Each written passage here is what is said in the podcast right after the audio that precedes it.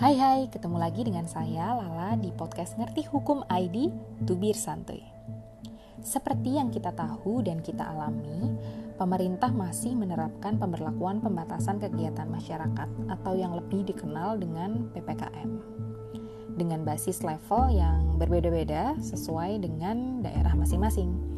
Nah, dengan adanya PPKM kali ini, uh, itu berdampak ya ke seluruh kegiatan masyarakat di Indonesia. Bekerja pun terpaksa harus dilakukan di rumah atau work from home (WFH), seperti saya sekarang ini. Namun, tidak semua tempat kerja diharuskan menerapkan WFH. Ada beberapa sektor yang tetap beroperasi seperti biasa uh, atau WFO dengan protokol kesehatan ketat. Sektor-sektor ini biasanya adalah usaha yang bersifat kritikal atau esensial seperti layanan kesehatan, penjual kebutuhan pokok masyarakat sehari-hari, dan juga lain sebagainya. Nah, dalam penentuan sektor esensial ini, ternyata jasa hukum khususnya advokat bukan termasuk sektor esensial. Padahal di masa pandemi ini jumlah pencari keadilan bisa jadi meningkat. Meski PPKM terus-menerus diperpanjang hingga waktu yang tidak bisa kita tentukan, advokat masih saja belum masuk menjadi sektor esensial. Itu artinya pergerakan advokat juga ikut terbatas sama dengan sektor non-esensial lainnya.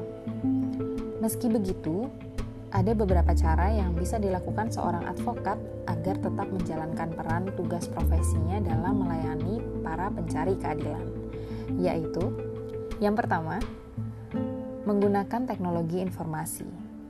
Seorang advokat dapat melakukan rapat, penyusunan draft, dan mungkin juga memberikan konsultasi menggunakan teknologi.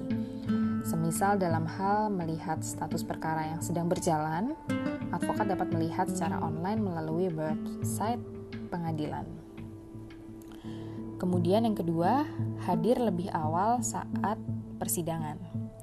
Apabila advokat sidang secara offline di dalam maupun di luar kota, maka usahakan untuk berangkat lebih cepat untuk menghindari keterlambatan di pengadilan karena adanya uh, beberapa penyekatan sesuai dengan kebijakan PPKM yang tadi saya bilang berlaku berbeda di setiap daerah seperti itu.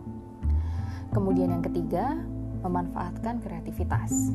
Salah satu contoh kreativitas yang dapat dilakukan oleh seorang advokat yaitu melakukan kerjasama dengan media online atau media cetak untuk memberikan konsultasi hukum kepada pencari keadilan.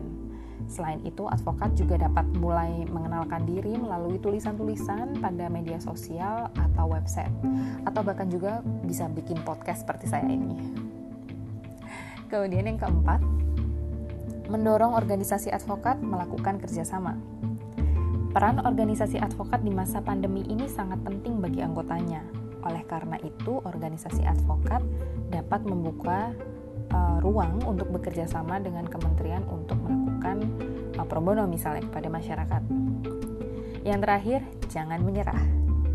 Meski di tengah pembatasan dan berbagai tantangan yang muncul pada saat pandemi COVID-19 ini, sebagai seorang advokat, jangan mudah menyerah terlebih lagi hingga beralih profesi. Tambah profesi sih nggak apa-apa ya.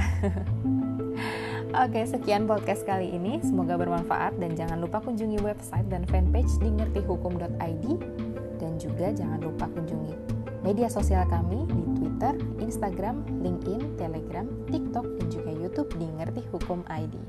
Sampai jumpa.